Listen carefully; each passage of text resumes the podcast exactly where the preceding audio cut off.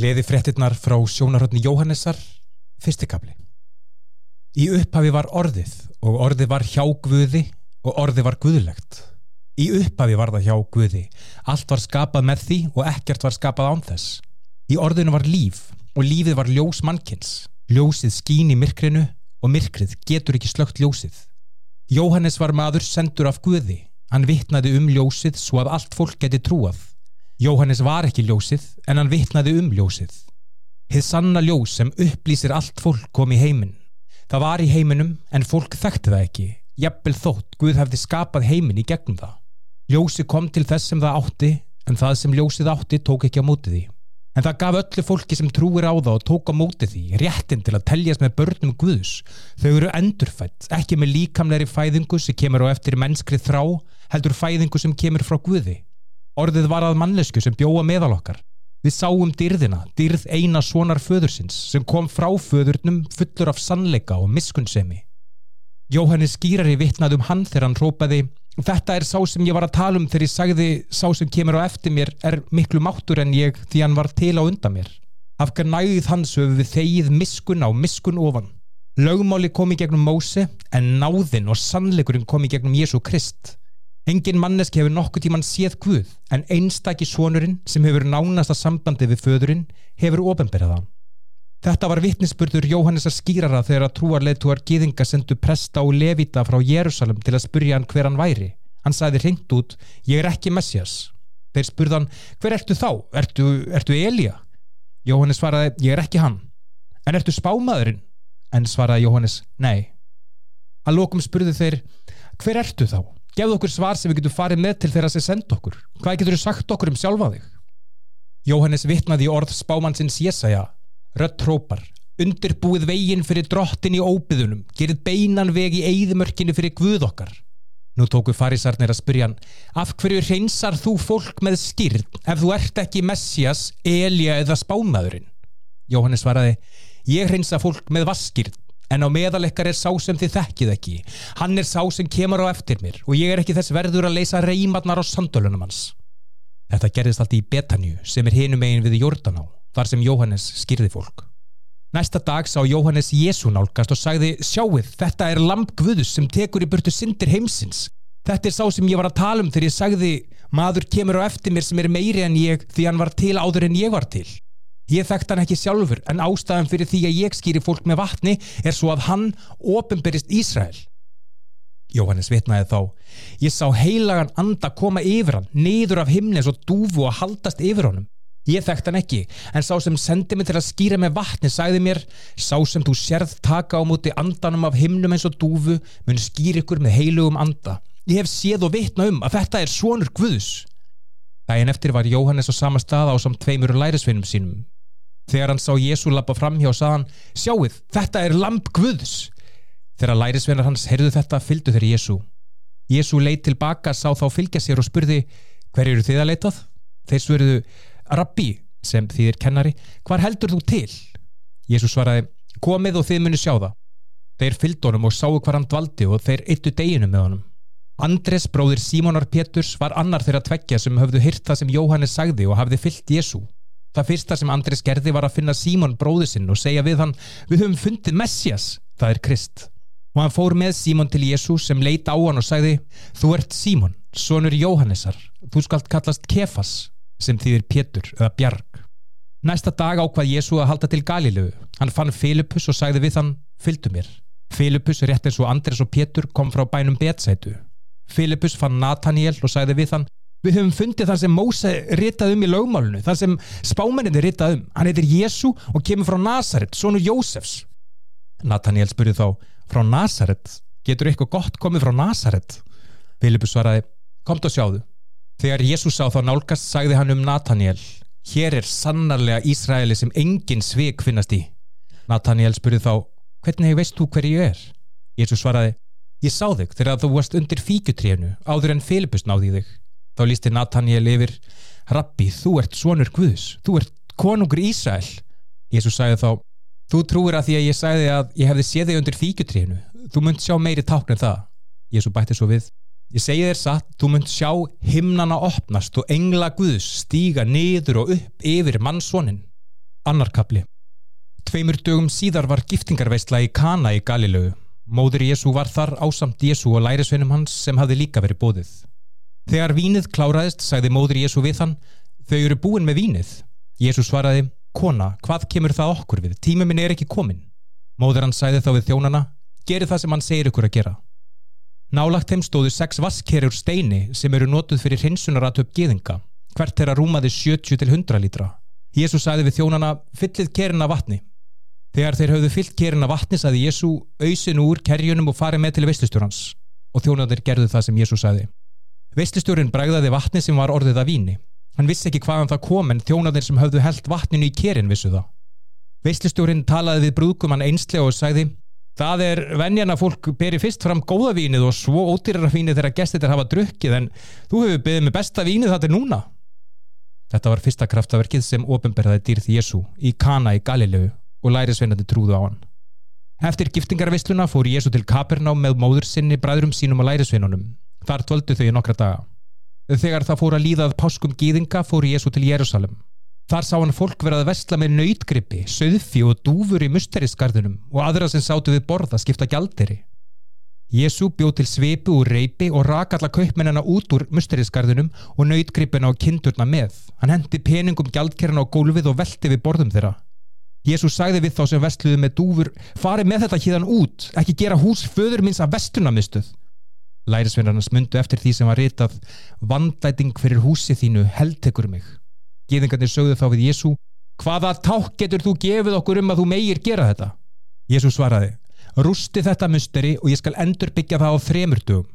Þeir svöruðu bygging þessa musteris hófst fyrir 45 árum og þú ætlar að byggja það á þremur dögum en musteri sem Jésu var að tala um var líkamanns. Þegar Jésu hefði reysuð frá döðum myndu lærisveinarnir eftir því sem hann hefði sagt, þá trúðu þeir rittningunni og því sem Jésu sagði. Vegna táknana sem Jésu hefði framkamt í Jérúsalem á páskaháttiðinni fór margt fólk að trúa á nafnans, en Jésu tristiði þeim ekki því hann þekkti allt fólk. Hann þurfti ekki að heyra um orðspor fólks heldur vissan hvað bjói hverri mannesku. Þriðji kapli Maðurinn okkur hétt Nikotímus, hann var einn af farisunum og meðlimur í öldungaráði gýðinga. Hann hitti Jésu eitt kvöldu og sagði Rabbi, við vitum að þú ert kennari sem kemur frá Guði. Engin geti framkamt þau ták sem þú gerir ef Guði væri ekki með honum. Jésu svaraði, ég segi þér satt, það er ekki hægt að sjá konungsíki Guðs nema að endurfæðast. Nikotímus spurði þá, hvernig er hægt að fæðast aftur þegar maður er orðin gamal? Valla getur maður snúið aftur í legum óður sinna til að fæðast öðru sinni? Jésu svaraði, Ég segi þér satt, það er ekki hægt að ganga inn í konusriki Guðs nema að fæðast af vatni og anda. Líkamar fæða líkama en andin fæðir anda. Þú mátt ekki vera hissa að ég segi þú þart að fæðast aftur. Vindurinn blæst þánga sem hann vill, þú heyrir í honum en veist ekki hvaðan hann kom eða hvert hann er að fara. Það er alveg eins þegar fólk fæðist af andanum. Nikotimus spurði þá, hvernig má þetta vera? Jésús sagði þá, þú ert kennari í Ísrael og þú skilur þetta ekki. Ég segi þér satt, Við tölum um það sem við þekkjum og vittnum um það sem við höfum séð, en samt trúið þið ekki vittnesbyrðunum. Ég er að tala við þig um það sem er jarnest og þú trúið mér ekki. Hvernig myndu þá trúa því sem ég segja um það sem er himnest? Engin höfur farið til himna nema sá sem kom af himnum sem er mannsónurinn.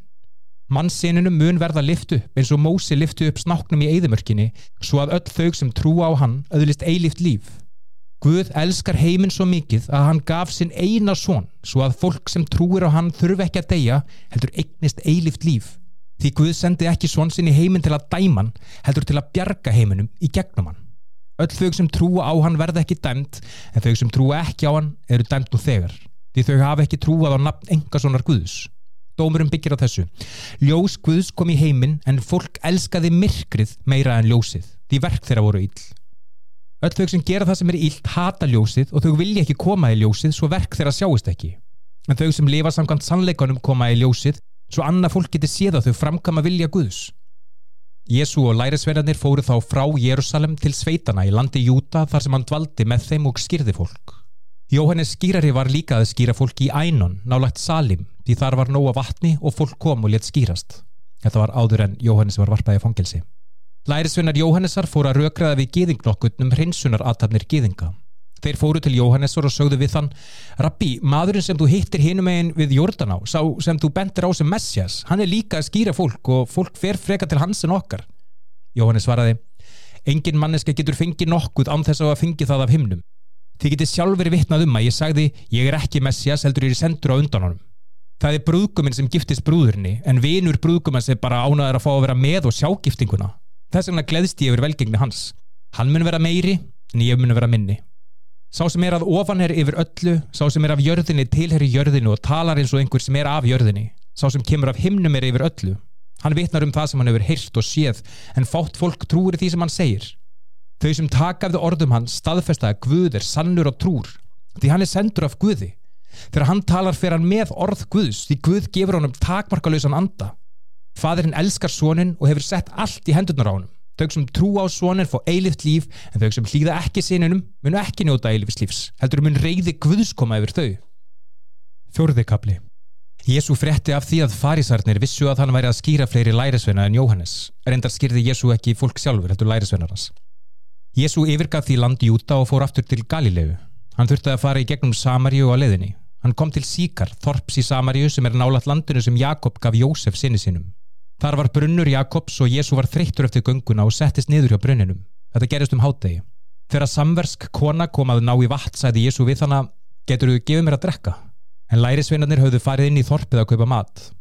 Samverska konan sæði við þann þú ert geðingur og ég er samversk kona. Hvernig stendur á því að þú byggði mig um vatn að drekka? Því geðingar hafa enginn samskipt við samverja. Jésu svaraði henni Er þú þekktir gafir Guðs og hver það er sem byður þig um vatn þá myndir þú byggja hann um lifandi vatn og hann myndi gefa þér það. Konan sagði þá, herra þú ert ekki með neitt til að auðsa úr þessum djúpa brunni. Hvaðan myndir þú auðsa þessu lifandi vatni? Er þú meiri en forfæðir okkar Jakob sem gaf okkur þennan brunn og drakk sjálfur úr honum rétt eins og sinir þessu hústýrin Jésu svaraði, þau sem drakka þetta vatn verða aftur þist en þau sem drakka vatni sem ég gef þeim munu aldrei aftur verða þist lifandi vatnið mun verða að vastlind innra með þeim sem leiðir til eilifs lífs. Konan sagði þá við Jésu Herra, geðu mér þetta vatn svo ég verði ekki eftir þist og hætti að þurfa að koma allar leðina hinga ná í vatn. Jésús sagði þá við hana, farðu og náði í eiginmannin og kottu svo aftur. Hún svaraði, ég á engan eiginmann. Jésús svaraði, það er rétt sem þú segir að þú eigir ekki eiginmann því þú hefur átt fimm eiginmenn og maðurinn sem þú ert með núna er ekki eiginmaður þinn, þannig að það sem þú sagði var satt. Kona sagði, herra, ég, ég sé að þú ert spámaður. Forfiður okkar tilbáðu Guð á þessu fjalli en því gýðingar segið að fólk verða tilbyggja Guð í Jérúsalem. Jésús svaraði, Kona trúðu mér, sá dagur minn fljótlega að renna upp þegar þið tilbyði föðurinn korki á þessu fjallin ég í Jérúsalem. Þið samverjar tilbyði það sem þið þekkið ekki, við tilbyðum það sem við þekkjum, því björgunin kemur frá gíðingunum. En dagurinn nálgast og er raunar runnin upp þegar sannir tilbyðendur munu tilbyðja föðurinn í anda og í sannleika. Fadurinn leitar slíks fólks sem tilbyður hann á þannhátt. Guð er andi og tilbyðjendur hans verða að tilbyðja hann í anda og sannleika. Konan sagði þá ég veit að Messias, sá sem er kallaðu Kristur, mun koma. Þegar hann kemur mun hann útskýra allt fyrir okkur. Jésu lísti þá þessu yfir. Ég sem tala við því hér er hann.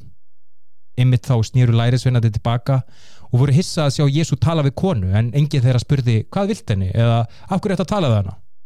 Konan skildi þá föturnar eftir og fór aftur til Þorpsins og sagði við fólkið komið og sjáði manni sem sagði mér allt það sem ég hef gert. Getur verið þetta sem Messias? Fólki streymdu úr Þorpinu til að sjá hann. Á meðan þessu stóðsögðu lærisveinandi við Jésu Rabbi, þú verður að borða eitthvað. En hann sagði við þá, ég hef mat sem þið vitið ekki um. Þá sögðu lærisveinandi sína milli, getur verið að einhver hafi gefið honum mat? Jésu sagði, maturum minn er að gera vilja þess sem sendi mig og að klára verkið hans. Þið þekki máltækið fjóri mánuður er á milli sáning og uppskeru en ég segi vaknið og lítið í kringum ykkur. Akrætnir eru tilbúinu fyrir uppskeru. Verkamenn uppskerunar fá vel borgað og ávextirnir sem þeir sker upp er fólk sem öðlast eilift líf Þvíli gleði býður bæðið þeirra sem gróður setju og þeirra sem sker upp. Þið þekki líka máltækið eitt sáur annar sker upp og það er rétt. Ég sendi ykkur til að vinna við uppskeru sem þið sáðuð ekki fyrir. Það er annað fólk sem vann erfiðisvinnuna og þið njótið ávakstana að vinna þeirra. Margir sammerjar úr þorpunu trúðu á Jésu vegna þess að konan sagði hann sagði mér allt það sem ég hef gert. Þegar sammerjarnir komið til Jésu báðu þeir hann að dvelja í þorpunu þeirra og hann var þar í tvo daga. Og vegna orða hans trúðu margir sammerjar á hann og sögðu við konuna Við trúum ekki lengur vegna orða þinna, heldur hefur við heyrt orðans sjálf og vitum að sannlega er þetta bergvætur heimsins. Eftir að verið þar í tvo daga held Jésu til Galilegu. Hann hafði sjálfur sagt að spámunum sé aldrei vel tekið í sinni heimabygð. Þegar hann kom til Galilegu bauð fólkið hann velkominn því þau hafðu séð það sem hann gerði í Jérúsalem á páskaháttiðinni því þau hafðu líka verið þar. Hann fór aftur til Kana í Galilegu þar sem hann hafði breytt vatni í vín. Þar var embætismadur við konungshyrðina sem átti svon í Kapernám sem var mjög veikur. Þegar maðurinn heyrði að Jésu væri komin til Galilöfu frá Júta fór hann til hans og bað hann um að koma og lækna svonsinn sem var nær dauða en lífi. Jésu sagði við hann, þið trúið ekki nefnir þið sjáu tákn og kraftaverk. En embætismadurinn sagði, herra komdu núna áður en barndið mitt deyr. Jésu svaraði, þú getur farið, svonuðinn lifir. Maðurinn trúði Jésu að fór. Á leiðinni heim komið þjónar hans til hans og sögðu að drengurinn væri lifandi Þegar hann spurði þá hvenar drengnum hefði batnað og sögðu þeir við hann í gær. Hittin fór úr ánum rétt eftir hátegi. Þá skildi maðurinn að það var ymmið tíminn þegar Jésu hefði sagt við hann svonurðin lifir og fadurinn og allt heimilisfólk hans trúði. Þetta var annað tákri sem Jésu framkamti eftir að hafa komið frá landi Júta til Galilögu. Femtikabli Nokkru síðar fór Jésu til Jérúsalem til að vera viðstæður eina af hátíðum gýðinga. Inni í borginni nálat sögðalliðinu var laug sem heitir á hebresku Betesta sem hafði fimm súlnagöng. Þar lág fjöldi fólks haldið ymsum kvillum, voru veik, blind, höld eða lömuð. Þar var maður sem hafi verið veikur í 37 ár. Þegar Jésús sá hann liggjandi, vitandi hversu lengi hann hafi verið veikur, saðan við mannin, viltu læknast? Maðurinn svaraði, herra, ég hef engan til að hjálpa mér ofan í laugina þegar vatnir hæðist. Hann meðan ég er að reyna að komast ofan í fyrir annað fólk á undan mér. Jésús sagði þá við hann, statt upp, taktu mottuna sem þú liggur á og gaktu. Maðurinn læknaðist um leið, tók mottuna og gekk. Þetta gerist á kvildardegi og trúarleituðarnir sögðu við mannin sem hefði læknast Það er kvildardagur, það er ólöglegt fyrir þið að halda á móttunni.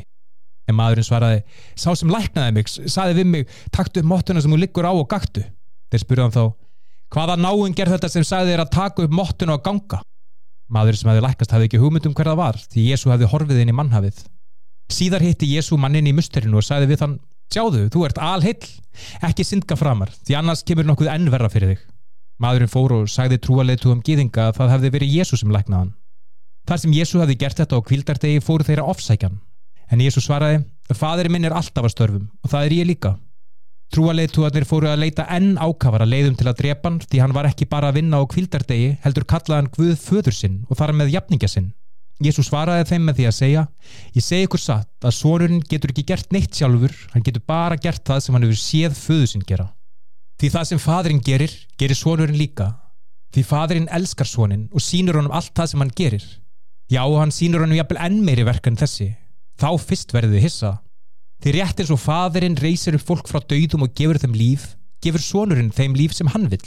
Og þar að ekki dæmir fadurinn engan heldur tristir hann senunum fyrir öllum dómi, svo allt fólk heidrir sonin eins og þau heidra föðurinn. Hver sem heidrar ekki sonin, heidrar heldur ekki föðurinn sem sendan. Ég segi ykkur satt, Þau sem heyra ormin og trúa þeim sem sendi mig auðlast eilift líf og munu ekki vera dæmt heldur fara frá dauðanum til lífsins. Ég segi ykkur satt að tíminn er að fara að rennu upp og hefur raunar nú þegar runnið upp þegar hinn dánu munu heyra rött sonarkvöðus og þau sem heyra hana munu lifa.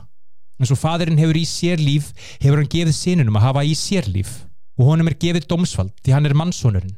Ekki vera undrandi yfir þessu.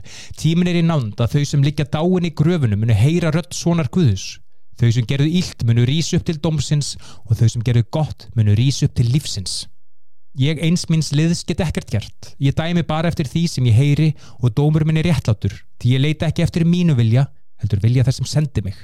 Ef ég vitna um sjálfa mig er vittnesbyrðu minn ógildur, en það er annað sem vittnar um mig og ég get fullfisaði ykkur um að það sem hann segir um mig er satt. Þið hafið sendt menn til Jóhannessar og vittnesbyrður hans um mig er sannur. Ekki að ég þurfi mannesku til að vittna um mig en ég segi þetta við ykkur svo þið geti bjargast. Jóhannes var logandi lampi sem gaf ljós og þið nutuð ljósið sem hríð. En ég hef miklu meira vittni en Jóhannes. Verkefnið sem fadurinn treysti mér fyrir sannar að hann sendi mig. Og fadurinn sem sendi mig hefur sjálfur vittnað um mig. Þið hafið aldrei heyrt röttinans eða sé hvernig hann lítur út og orð hans er ekki í ykkur því þið trúið ekki þeim sem hann sendi. Þið rannsakið rittningarnar því þið haldið að þær munu gefa ykkur eilift líf en það er einmitt rittningi sem vittnar um mig. En þið neytið að koma til mín til að öðlast lífið. Ég tek ekki við heidri af manneskum því ég þekk ykkur og veit að þið hafið ekki kærleika Guðs í hjörtum ykkar. Ég kom í nafni föðu minns og þið takið ekki á móti mér en ef einhver kemur í sínu eigi nafni þá trúið þið þeim. Hvernig getið þið trúa þegar þið takið við dyrð frá hver öðrum en leitið ekki dyrðarinnar sem kemur frá hinnum eina sanna Guði? En ekki halda að ég muni ákjör ykkur fram með fyrir föðunum. Ákjörandi ykkar er Mósi og á hann hengið von ykkar. Ef þið treðuð Mósi mynduð þið líka trúa mér því hann ritaðu um mig. En ef þið trúið ekki því sem hann sagði, af hverju ættu þið að trúa því sem ég segi? Sjötti kapli Nokkru eftir þetta fór Jésu hinum einu við Galilögu vatn, einnig þekkt sem Típerjas. Mikill mannfjöldi fylgdu honum hvert sem hann fór, því þau höfðu séð táknin sem hann framkamdi þegar hann læknaði fólk. Jésu fór þar upp í fjálslið og settist niður á samt lærisveinunum. Þetta gerði stuttu fyrir páskaháttíðina. Þegar Jésu leit upp og sá mannfjöldan nálgast, sagði hann við Filipus, hvað eru að kaupa brauð fyrir allt þetta fólk? Hann spurði þessu til að reyna Filipus en það vissi Jésu hvað hann væri að fara að gera. Filipus svaraði honum, það myndi kosta meira en halvsást laun verkamans að kaupa nóg brauð svo þið fengið öll eitt munbytta. Anna lærisvinnana Andrés bróðir Símonar tók til máls og sagði, hér er drengu með fimm lítil byggbröð og tvo smáfiska en það döða nú skamtanda svo mörgum. Jésu sagði, láti fólki setjast. Þar sem þau voru var mikið graslendi og þau settust niður. Karlandi voru 5.000 aukvenna og barna. Jésu tók brauðin og eftir að hafa þakka Guði rétti hann lærisvinnunum þau og þeir dreifðu þeim meðal fólksins. Hann gerði það sama við fiskana. Þegar þau voru öll orðin sött, sagði Jésu við lærisvinnana, takið saman afgangana, látum ekkert fara til spillis. Þeir söpnuðu þeim saman og afgangurinn að brauðunum 5 og fiskunum 2 voru 12 fullar körfur. Þegar fólki sá þetta undursamlega ták sögðu þau, þetta hlýtur að vera spámaður sem við höfum beðið eftir. Þegar Jésús sá að fólki vildi taka hann með valdu og gera hann að konungi, fór hann aftur upp fjallið og dróð sig í hlýja. Þegar það var komið kvöld fóru lærisveinar hans niður á vatninu, en þegar það var orðin dimt og Jésu var ekki komið tilbaka, heldu þeir á staði yfir vatnið til Kapernám. Það fór á kvessa og öldurnar hækkuðu. Þegar þeir höfðu róið í um 5 kílometra, sáu þeir Jésu nálgast bátinn, gangand á vatninu og þeir eru hrettir. En Jésu sagði við þá, ekki vera hrettir, þetta er ég. Þá hliftuður honum um borð og um leiðúruður komnir á leiðranda. Næsta dag sá fólki sem hefði verið eftir að lærisvinnarnir höfðu tekið eina bátin og að Jésu hefði ekki farið með þeim. Nokkur bátar frá Tíberjas komið að landiða sem herran hefði blessa brauðin og fólkið hefði getið. Þegar fólkið áttaði sig á að korki Jésu nýja lærisvinnarnir voru þar, fóru þau á bátum til Kapernám til að leitað Jésu. Þegar fólkið fann hann hinu með við vatni spurðu þau Jésu, Rabbi, hvernig komst þú hinga? Jésu svaraði, ég segi ykkur satt, þið leitið að mér ekki vegna táknarna sem þið sáuð, heldur af því að þið átuð brauð og eruðu sött. Ekki vinna fyrir mat sem skemmist, heldur fyrir mat sem endist til eilífs lífs, sem er það sem mannsónurum mun gefa ykkur, því Guð fadir hefur sett innsikli sitt á hann. Þá spurði fólki Jésu, við viljum líka vinna verk Guðs, hvernig gerum við það? Jésu svaraði, verk Guðs er þetta, trúið á þann sem hann sendi. Fólki spurði hann þá, hvaða ták myndu gefa okkur til að við getum séð og trúa þér, hvað ætlar að gera? Forfiður okkar áttu manna í eigðumörkinni því það er ritað hann gaf þeim brauð af himnum að geta. Jésús sagði við þau, ég segi ykkur satt að það var ekki Mósi sem gaf ykkur brauðið af himnum, heldur er það fadir minn sem gefur ykkur hið sanna brauð af himnum. Hið sanna brauð Guðs er sá sem kemur niður af himnum og gefur heiminum líf. Þau sögðu þá, herra, gefðu okkur ávalt þetta brauð. Þá svaraði Jésú, Ég er brauð lífsins. Þau sem koma til mín munu aldrei aftur verða söng og þau sem trúa á mig munu aldrei aftur verða þist. En eins og ég sagði, þið hafið séð mig en trúið samt ekki. En þau sem fadurinn hefur gefið mér munu koma til mín og ég mun aldrei reyka þau burt því ég hef komið niður af himnum ekki til að gera vilja minn heldur til að gera vilja þess sem sendi mig og þetta er viljið þess sem sendi mig. Að ég glati ekki einni einustu mannesku af þeim sem hann hefur gefið mér heldur reysi þau upp á lokadeginum. Því það er viljið Guðs að öll þau sem sjá svon hans og trúanum muni öðlast eilíft líf. Ég mun reysa þau upp á lokadeginum.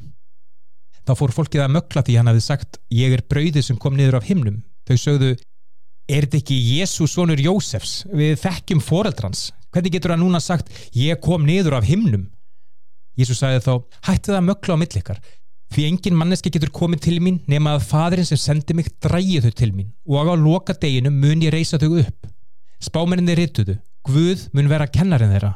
Öll þau sem hafa hirt í föðurnum og lært af honum koma til mín. Engin manneski hefur séð föðurinn nema sá sem er frá Guði, aðeins hann hefur séð föðurinn. Ég segi ykkur satt, þau sem trúa munu öðlast eilift líf. Ég er brauð lífsins. Forfiður ykkar áttu manna í eigðimörkinni en þeir dófu, en hér er brauð sem kemur niður af himnum og þau sem borða það brauð munu aldrei deyja. Ég er lifandi brauðið sem kom niður af himnum. Þau sem geta þetta brauð munu lifa að eilifu. Þetta brauð er líka með minn sem ég mun gefa svo heimurinn getur lifað. Þá fór fólk að rýfast við hvert annað um hvað hann væri að meina og spurðu hvernig getur þessi maður gefið okkur líka með sinna að geta? Jésús saði við þau, ég segi ykkur satt, ef þið getið ekki líkama mannsvonarins og drekkið blóð hans, getið þið ekki haft í ykkur eilift líf. Þau sem geta líka á minn og drekka blóð mitt hafa eilíft líf og ég mun reysa þau upp á lokadeginum. Því líka með minn er raunverulegur matur og blóðið mitt er raunverulegur drikkur. Þau sem geta hold mitt og drekka blóð mitt haldast í mér og ég í þeim.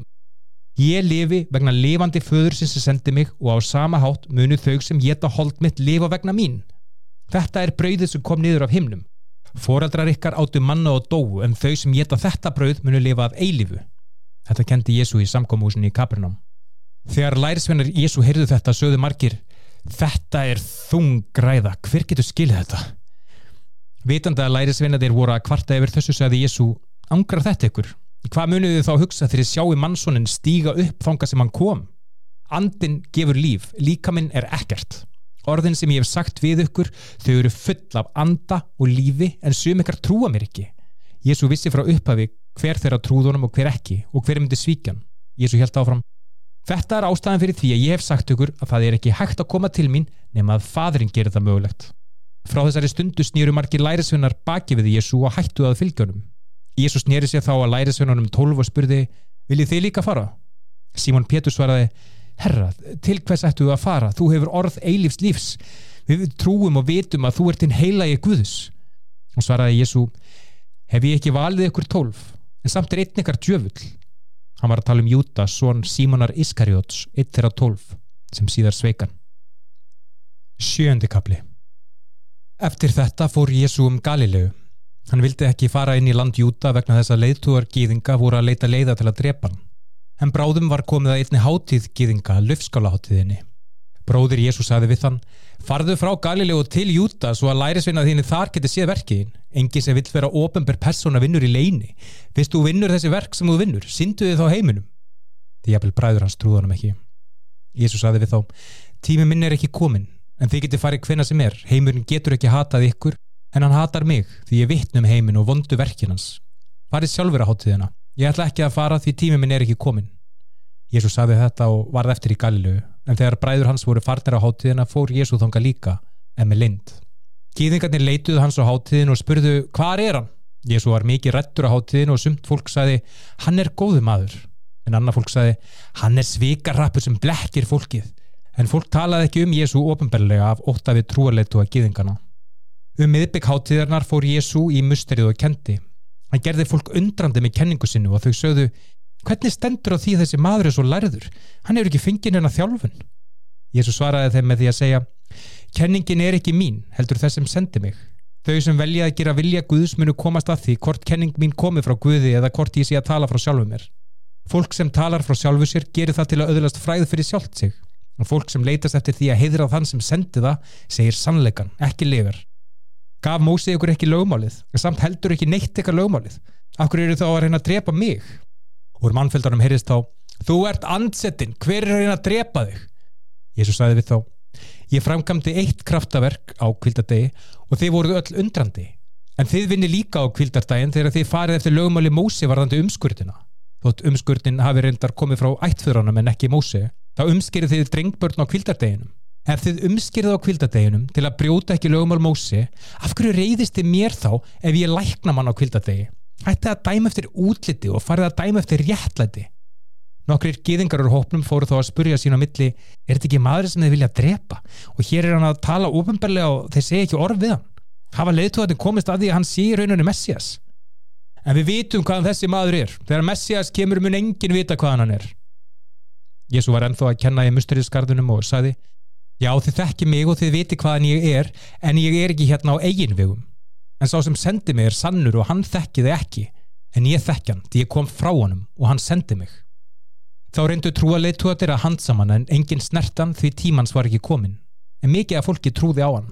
Þau sögðu, mun Messias þegar hann kemur gera meiri tákna þessi maður hefur gert.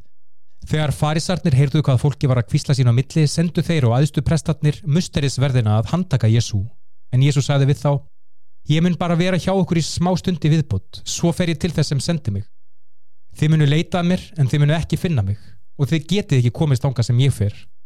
Gýðingarnir sögðu þá hverfið annan hvert ætlar þessi maður að fara það sem við getum ekki fundið hann? Ætlar hann að fara til gýðingarna sem eru dreifður um Greikland og kenna Greikjunum? Hvað var hann að meina þegar hann sagði þið munu leita mér er finna mig ekki og þið getið ekki farið þánga sem ég fyrr? Á hápunkti hátíðarnar á síðasta degi hennar stóð Jésu upp og rópaði til fólksins Allt fólk sem er þist getur komið til mín og fengið að drekka. Þau sem trúa geta komið til mín og drukkið því réttingin segir fljót lifandi vass mun streyma frá hjartans. Þegar hann talaði um lifandi vatn var hann að meina andan sem fólkið sem trúðunum myndi fá síðar. Á þessum tíma var andin ekki gefin því Jésu var ekki enn orðin dýrlegur.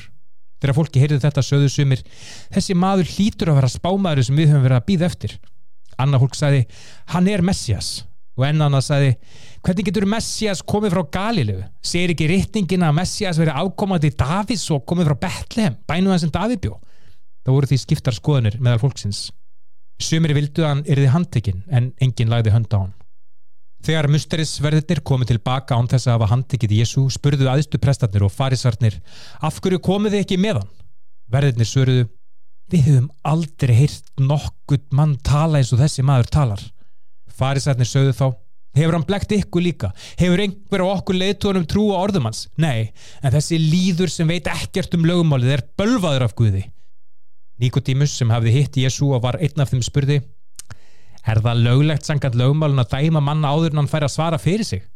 Þeir svöruðu, ert þú líka frá Galilegu? Lestu rittninguna og sjáðu að engin spámaður kemur frá Galilegu.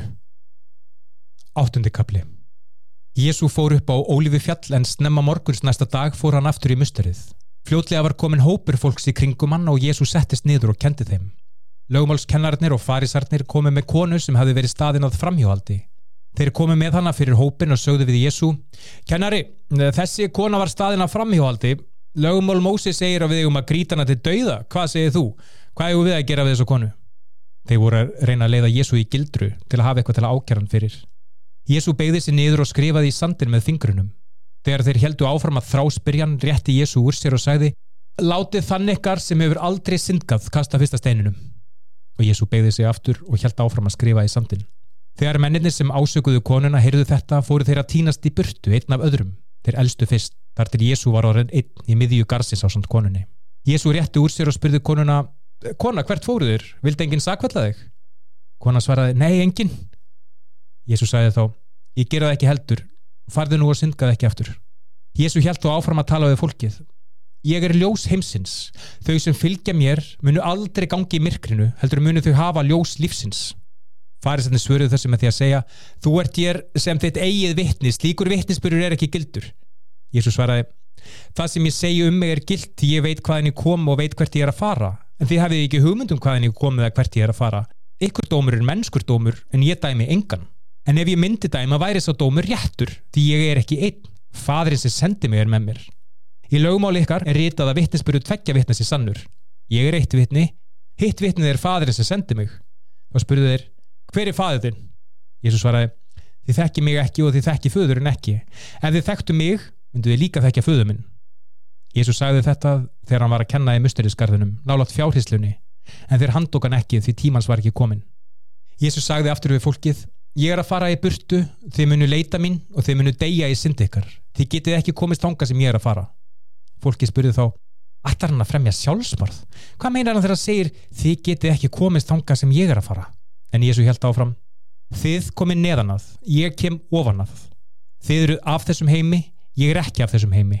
Þess vegna sagði ég við ykkur að þið munu deyja í syndi ykkar. Því ef þið trúið ekki að ég sé sá sem ég segist vera, þá munu þið deyja í syndi ykkar. Fólki spurði þá, hver ertu? Jésu svaraði, ég er sá sem ég hef alltaf sagst vera. Ég get sagt margt um ykkur og dæmt ykkur fyrir margt, en ég mun ekki gera það. Því ég segi ekkert nema það sem ég heyrði frá þeim sem sendi mig og það sem hann segir er fullkomlega rétt. Fólki skildi ekki það sem Jésu sagði um föður sinn og Jésu sagði því, þegar þið hafi lift mannsinnunum upp, munið þið vita að ég er hann og að ég gerði ekkert af sjálfu mér, heldur sagði bara það sem fadrin kendi mér. Sá sem sendi mig er með mér. Hann hefur aldrei yfirgefið mig því ég geri bara það sem gleður hann. Þegar Jésús sagði þetta trúði margt fólk á hann. Jésús sagði þá við þau sem trúð á hann Þið eru sannarlega lærisvinnar mínir ef þið haldið í kenninga mínar. Þið munið þá vita sannleikan og sannleikurinn mun gera ykkur frjáls. Fólki sagði þá En við erum afkomundur Abrahams og höfum aldrei verið þrælar. Hvernig getur þú þá sagst að við verðum þá frjáls? Jésús svaraði Ég segi ykkur satt að þau sem syndga eru þrælar syndarinnar. Þrælar eru tímabundið þar sem þeir eru þrælar en sonur tilherir alltaf fjölskyldunni. Ef sonurinn gerir ykkur frjáls þá verður þið sannarlega frjáls. Ég veit að þið eru afkomendur Abrahams en samt eru það að reyna að drepa mig af því að hjörtu ykkur hafi ekki ploss fyrir ormin. Ég er að segja ykkur frá því sem ég hef séð í nærveru föðusins þið eru að gera það sem þið lærðuð að feðrum ykkar. Fólki sagði þá Abraham er fadir okkar. Jésu svaraði Ef þið væru börn Abrahams myndu þið gera það sem Abraham gerði. En í staðin eru þið að leita leiða til að drepa mig, mann sem hefur sagt ykkur sannleikan sem ég heyrði frá Guði. Abraham hefði aldrei gert neitt slíkt. En þið gerir það sem feður ykkar gerðu. Fólki mótmælti, við erum ekki einhverju lausalegs króar, heldur er Guð fadur okkar. Jésu sagði þá við þau, ef Guð væri fadur ykkar, myndu þið elska mig því ég er komin hinga frá Guði. Ég kom ekki hinga af sjálfstáðum, heldur sendi Guð mig. Akkur skiljið ekki ormin af því að þið getið ekki heyrt það sem ég er að segja. Þið tilheyrið föður ykkar djöflinum og þið viljið framkama vilja föður ykkar. Hann var morðingi frá upphafi og hefur alltaf hatað sannleikan því sannleikurinn er ekki í honum. Þegar hann lígur er hann samkamur eðlisínu því hann er legari og fadir legarinnar. Þannig þegar ég segi sannleikan þá trúið mér að sjálfsögðu ekki. Getur einhver hér sannað upp á mig synd? Ef ég er að segja sannleikan, af hverju trúið mér ekki? Fólk sem tilherir Guði heyrir hvað Guð segir. Ástæðan fyrir því að þið heyrið ekki er að þið tilheyrið ekki Guði. Fólki svaraði þá, er ekki rétt að þú sett andsettinn sammerja djöfull? Jésu svaraði, ég er ekki andsettinn heldur virði ég föður minn en þið vanverðið mig. Ég er ekki að leita eftir upphefð fyrir sjálfa mig heldur er Guð að fara að gera mig dýrlegan og hann er dómarinn. Ég segi ykkur satt, þau sem hlýða orðum mínum munu aldrei deyja. Og sagði fólkið, nú vitu við að þú ert andsettinn Abraham dó og líka spámennir en samt segir þú að fólk sem hlýðir orðum þínum muni aldrei degja Er þú meiri en ættvæðir okkar Abraham? Hann dó og líka spámennir hver heldur eiginlega að þú sért? Ísus svaraði, ef ég vil uppheð fyrir sjálfa mig, þýr það ekkert. Fadur minn sem þið segið þessi guð ykkar er sá sem upphefur mig og þótt þið þekkið hann ekki þá þekki ég hann Ef ég segði að ég þekkt hann ekki væri ég legar eins og þið en ég þekk hann og hlýði því sem hann segir. Abraham fadur ykkar hlakkaði til komuminnar með fögnuði hjarta og þegar hann sá hana glattist hann. Þau sögðu þá við hann, þú ert ekki henn orðin 50 en hefur samt séð Abraham. Áður en Abraham fættist er ég, svaraði Jésu. Þegar fólki heyrði þetta tókaði upp steina til að grítan, en Jésu duldist og yfirgaf musterið. Níundi kapli Jésu var á gungu og sá mann sem hafði verið blindur frá fæðingu lærisveinandir spurðan Rabbi, hvort syndguði fórættra þessa mann séðan sjálfur þar sem hann fættist blindur? Jésús svaraði, það er korugt. Heldur gerist það svo að verk Guðs geti ofnberast á honum. Við verðum að drífa okkur að vinna verkin sem við fengum frá þeim sem senda okkur. Það er að koma kvöld og þá getur engin unnið. Á meðan ég er í heiminum er ég ljós heimsins. Eftir að hann sæði þetta skirpti hann á jörðina og bjóð til ábyrð með munvattinu og setti á augum mannsins og sæði svo við hann. Farðu og þóðu þeir í sílomlaug Maðurinn fór og þóði sér og fór sjáandi heim. Nágrannar hans og þau sem þekktu hann sem blinda betlaran spurðu sín á milli er þetta ekki maðurinn sem satt og betlaði? Sumt fólk sagði að það væri rétt á meðan aðri sögðu hann bara líkan honum. En maðurinn sjálfur sagði, ég er sá maður. Fólki spurði hann þá, hvernig opniðust augu þín? Maðurinn svaraði, maðurinn sem er kallaður Jésu gerði ábyrð og setti í augun á mér og sagði mér að þó mér í sílomlög. Hann ég gerði það og þá gæti ég séð. Þau spurði hann þá, hvað er þessi maður? Hann sæði þeim að hann vissi það ekki. Þau fóru þá með mannin til Farisanna en Jésu gerði ábyrðin og opnaði augum mannsins á kvildadegi. Farisinni spurði mannin þess vegna hvernig hann hefði fengið sjónina. Maðurinn svaraði, hann gerði ábyrð og setti í augun, svo þóði ég mér og núna getið þessi maður getur ekki verið frá Guði ef hann heldur ekki í kvildadagin. En aðri sögðu, hvernig getið syndari framkvæmt slíkt ták? Sprutu upp deilur á meðal þeirra um þetta. Þeir snýru sér þá að manninum sem hafði verið blindur og spurðan Hvað hefur þú að segja um hennan mann? Það sem að þá voru auguð þín sem opnuðust. Maðurinn svaraði Hann er spámaður en þeir trúðu ekki enþá að maðurinn hafi í raun verið blindur og fengið sjónina og sendu því eftir fóröldur mannsins. Þeir spurðu þau Er þetta svonur ykkar? Er þetta sá sem þið segið að hafi verið blindur frá fæðingu? Hvernig stendur á því að hann geti séð? Fóröldrar mannsins svurðu Við vitum að þetta er svonur okkar og við vitum að hann fættist blindur en hvernig hann getur núna séð og hver opnaði auga hans spurði hann um það hann er nógu gammal til að svara fyrir sig sjálfur Fóldrar mannsins sögðu þetta af ótta við trúaleituana sem höfðu gefið út tilskipunum að þau sem játuð að Jésu var í Messias fengju ekki að koma inn í samkómuhúsin aftur. Þess vegna sögðu þau, hann er nógu gamalt spyrðið hann sjálfur. Þeir fengu mannin sem hafði verið blindur til að koma í annarskiptu og sögðu, gefðu Guði dýrðina með því að segja satt. Við vitum að þessi maður er syndari. Maðurinn svaraði, hvort hans ég syndarið ekki veit ég ekkert um. Eina sem ég veit að ég var blindur og get núna séð. Þá spurði þeir hann, hvað gerði hann við þig? Hvernig opnaði hann augu þín? Maðurinn svaraði, ég er búin að segja ykkur að þið hlustuðu ekki, af hverju viljið þið heyra það aftur? Viljið þið líka vera lærisvennar hans? Þeir blótuðu það mannum og sögðu, þú ert lærisveit þessa nánga, við erum lærisvennar Móse, við vitum að Guð talaði við Móse en varandi þennan mann, við, við vitum ekki eins og hvað hann er. Maðurinn svaraði þá, það er stórmerkilegt, þið vitið ekki hvað hann er en samt opnaði hann augu mín. Við vitum að Guð heyrir ekki syndurum en hann hlustar á fólk sem tilbyður hann og gerir viljans aldrei hefur heistu mann sem opnar augu fólk sem fættist blind. Ef þessi maður kem ekki frá Guði trúaleitu svöru með því að segja þú ert fættur algjör syndari og þú ætlar að fara að kenna okkur. Og til þetta hendunum út á samkómúsinu Jésu frétti að þeir hefðu hend manninum út og þegar Jésu fann hann sagði hann trúir þú á mannsónin maðurinn spurði herra hver er það, segðu mér það svo ég geti trúað á hann. Jésu sagði þú hefur hitt hann, raunar er það sá sem er núna að tala við þig. Og sagði maðurinn, herra, ég trúi. Og maðurinn tilbað Jésu Jésu sagði við þann, ég kom í heiminn vegna dómsins, svo að blindir fái sjónina og þau sem sjáu verði blind nokkrir farisar sem stóðu þar hjá heyrðu þetta og spurðu ertu að segja að við séum blindir? Jésu sagði, ef þið væru blindir væru þið ekki segir um synd en þið segist vera sjáandi þess vegna eru þið áfram segir Tíundi kapli Ég segi ykkur satt farísar að þeir sem fara ekki inn um dyrnar inn í fjárhúsið heldur klifur inn um gluggan eru þjóvar og ræningar. Sá sem fyrir inn um dyrnar er hyrðir söðfissins. Sá sem er í dyrunum opnar fyrir honum og söðfíði hlýðir röttinans. Hann kallar á sitt fjö með nafni og leiðir það út. Þegar hann hefur sapnað saman sínu fjö fer hann á undan því og fjöð eldir hann því það þekkir röttinans. En fjöð myndi aldrei elda eitthvað ókunnaðan heldur flýja frá honum því þau þekki ekki röttina. Jésu notaði þetta líkingamál en farisandi skildu ekki það sem hann var að segja. Þannig Jésu endur tók, ég segi ykkur satt, ég er dyrnar fyrir söðfjöð. Allir þeir sem koma undan mér voru þjóvar og ræningar og fjöð hlítiðum ekki. Ég er hliðið. Þau sem gangaði gegnum mig mun verða bjargað. Þau munu ganga inn og út og finna grænan haga. Þjóvarnir koma bara til að ræna og drepa og eigðilegja en ég kem til þess að þau öðlist ríkulegt líf. Ég er góði hyrðirinn. Góður hyrðir er tilbúin að forna lífi sínu fyrir söðfiðið sitt. Menn sem eru ráðnir í vinnu við að gæta fjesins en eiga það ekki, flýja þeir sjá úlfa koma. Þeir yfirgefa fjöð og hlaupa í burtu meðan úlfurinn ræðst á hjörðun og tvistranninni. Mennið er hlaupa í burtu því þeir eru bara í vinnunni og elska ekki söðfjöð. Ég er góði hyrðirinn. Ég þekki mitt fjöð og mitt fjöð þekki mig. Alveg eins og fadurinn þekki mig og ég þekki föðurinn. Og ég legg líf mitt í söluna fyrir fjöð. Ég á annarsauði sem er ekki úr þessari hjörð. Ég vil líka ná í það. Það mun líka hlusta á rött mína og mun mynda eina hjörð með einum hyrði. Fadurinn elska mig því ég fórna lífi mínu svo ég geti endurheimt það. Engin getur tekið það frá mér en ég fórna því að fúsum og frjálsum vilja því ég hef vald til að fórna því þegar ég vil og líka að endurheimta það. Því það er það sem fadur minn fyrirskipaði.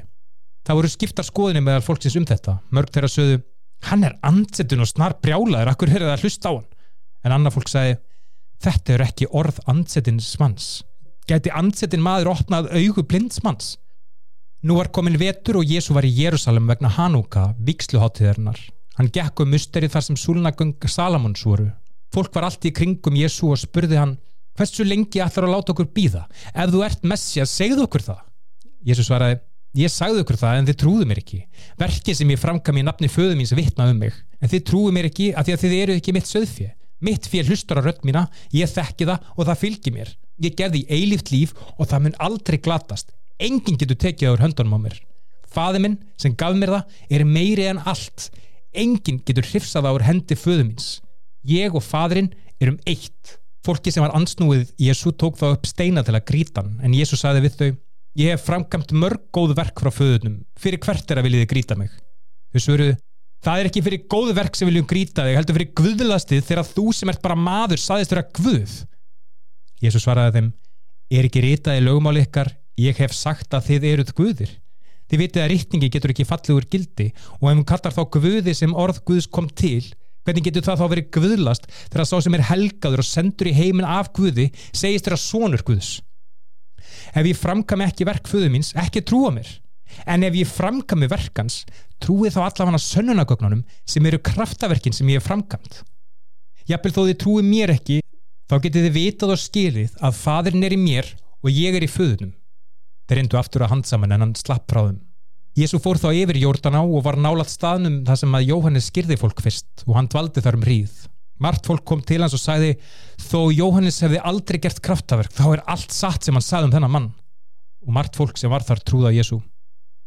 Ellefti kapli. Lazarus var maður nokkur sem var veikur. Hann bjó í Betaníu með sistrum sínum Marju og Mörtu. Marja var svo sem heldi síðar dyrri ilmóli og fætur Jésu og þurkaði þá með hári sínu. Sýstunar sendu bóð til Jésu. Herra, þinn kæri vinur er forveikur. Þegar Jésu fekk frettina saðan, þessi veiki mun ekki enda með dauða. Nei, hún er guðið til dyrðar, svo svonur guðs geti fengið upphefð. Þó svo að Jésu elskaði mörtu Marju og Lazarus, dvaldi hann í tvo daga í viðbóta sem hann var, en sagði síðan við lærisveinuna, förum aftur til lands Júta. Þeir sögðu, en rabbi, fyrir skömmu vildi fólkið í Júta grítaði en samt vildi fara þángað aftur. Jésu svaraði, er ekki 12 klukkustundir af dagspyrtu? Þau sem ganga á daginn hrasa ekki því ljós heimsins lýsir upp leiðina en fólk hrasar ef það gengur á nóttunni því þá er ekkert ljós. Svo sagði Jésu Lazarus, vinur okkar, er sopnaður en ég ætla að fara að vekja hann. Lærisvendinir svöruðu þá herra ef hann er sofandi þá mun hann batna fljótlega. Þeir heldu að Jésu hefði verið að tala um venjulegansvefn en hann myndi að Lazarus væri dáin. Þannig Jésu sagði með berum orðum Lazarus er dáin og ykkar vegna er ég ánaður að ég var ekki þar svo að þið getið trúað en förum núna til hans. Þá sagði Tómas sem var kallaður tvýpuri við hinn að lærisveinuna Við skulum líka fara og deyja með Jésu. Þegar Jésu kom til Betaníu var honum sagt að Lazarus hefði leið í gröfinni í fjóra daga. Betania var bara nokkra kílometra frá Jérúsalum og margt fólk þaðan hefði farið til Mörtu og Marju til að hugga þær. Þegar Marta heyrði að Jésu var á leiðinni fór hún á mótónum en Marja helt kyrru fyrir í húsinu. Marta sagði við Jésu Herra, ef þú hefði bara verið hérna, þá væri bróðuminn ekki dáin, en ég veit að Guð mun bænherra þig, hvað sem þú byður hann um. Jésu sagði við hana, bróður þinn mun rýs upp. Marta svaraði, ég veit að mun rýs upp í upprisun og lokadeginum. Jésu sagði við hana ég er upprisun og lífið. Þau sem trúa á mig munu lifa þóttu degi og þau sem lifa vegna þess að þau trúa á mig munu aldrei degja trúur þau þessu? Hún svaraði, já herra, ég trúa að þú ert Messias, svonur Guð sem kom í heimi frá Guði. Hún sagði þetta og fór síðan aftur til Marju, sýstur sinnar, tók hana af síðan og sagði, kennarin er hérna og vil hitta þig. Þegar Marja heyrði þetta rauk hún á fætur og fór til Jésu Jésu var ekki enn komin inn í þorpið heldur var hann ennþá það sem Marta hefði hitt hann. Þegar fólki sem var að samhyggjast Marju sá hann að fara í svo miklum flíti heldur þau að hún væri að fara til gravarnar þar sem Lazarus var grafin til að gráta og þau fóru með henni. Þegar Marja kom til Jésu fjallunum við fætur hans og sagði Herra, ef þú hefði bara verið hérna þá væri bróðuminn ekki dáin. Þegar Jésu sá hann að gráta og sá fólki grátandi með henni var hann hryggur og hærður. Jésu spurði, hvar liggur hann? Þau svöruðu, Herra, komt og sjáðu og ég er svo greitt.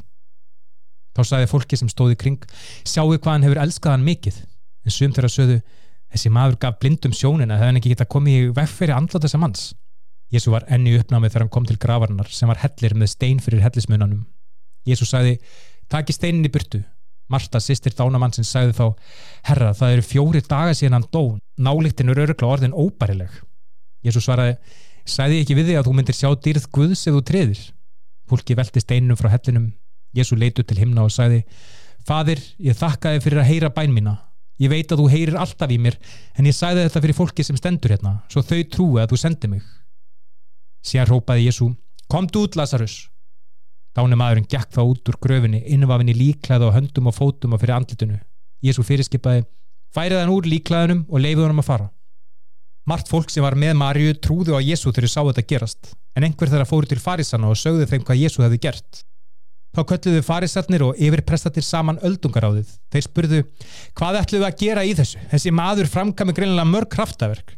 Ef við gerum ekkert, munum þau öll trúa á hann og þá munum rómurar koma og taka í burtu bæri mustrið okkar og þjóð og saði eitt þeirra Kæfas sem var þá aðisteprestur þið vitið ekkert, þið áttið ykkur ekki á að það er betra að einn maður degi fyrir þjóðin en að þjóðin degi öll. Hann saði þetta ekki af sjálfum sér heldur var hann aðisteprestur og spáði því að Jésu myndi degja fyrir alla þjóðina. Og ekki bara alla þjóð þeirra heldur fyrir öll börn Guðs sem eru dreifðum ölla jörðina og saminaðu í eina þjóð. Þeir lögðu á ráðin frá þessum degi hvernig þeir gætu drepið Jésu Vegna þessa hætti Jésu að ganga um á meðal fólksins í Júta og fór frá Jérusalem. Hann fór á staðnæri Eidumörkinni til Þorps í landi Efraims og dvaldi þar um hríð á samt lærisveinunum. Þegar páskaháttíðin var á næsta leiti fór margt fólk frá sveitunum í kring til Jérusalem til að taka þátt í hreinsunaratöfninni fyrir páskana. Fólki leitaði að Jésu og þau sem stóðu í musteriskarðinum spurðu hvert annað hvað haldiði, ekki er hann að fara að koma páskaháttíðin eða hvað? En aðeistu prestatnir og farisarnir höfðu gefið út tilskipunum að ef einhver kæmist að því hvar Jésu væri, þá yrði að tilgjena þeim það strax og þeir getu handekið hann. Tóltikabli Sekstugum fyrir páska kom Jésu til Betanju þar sem Lazarus bjó, sá sem Jésu hefði reistu frá döðum. Þar var haldinn kvöldverður þar sem Jésu var heiðuskestur. Marta þjónaði til bors og Lazarus var þar ásamt Jésu. Þá tók Marja hálfan lítra af dyrri ilmólíugur nardusviði og heldi á fætur Jésu og þurkaði fætur hans með hári sínu. Húsið fylltist af lyktunni af ilmólíunni, en einn af lærisununum, Júta Ískariot, sá sem svo sveikan, mótmælti þessu.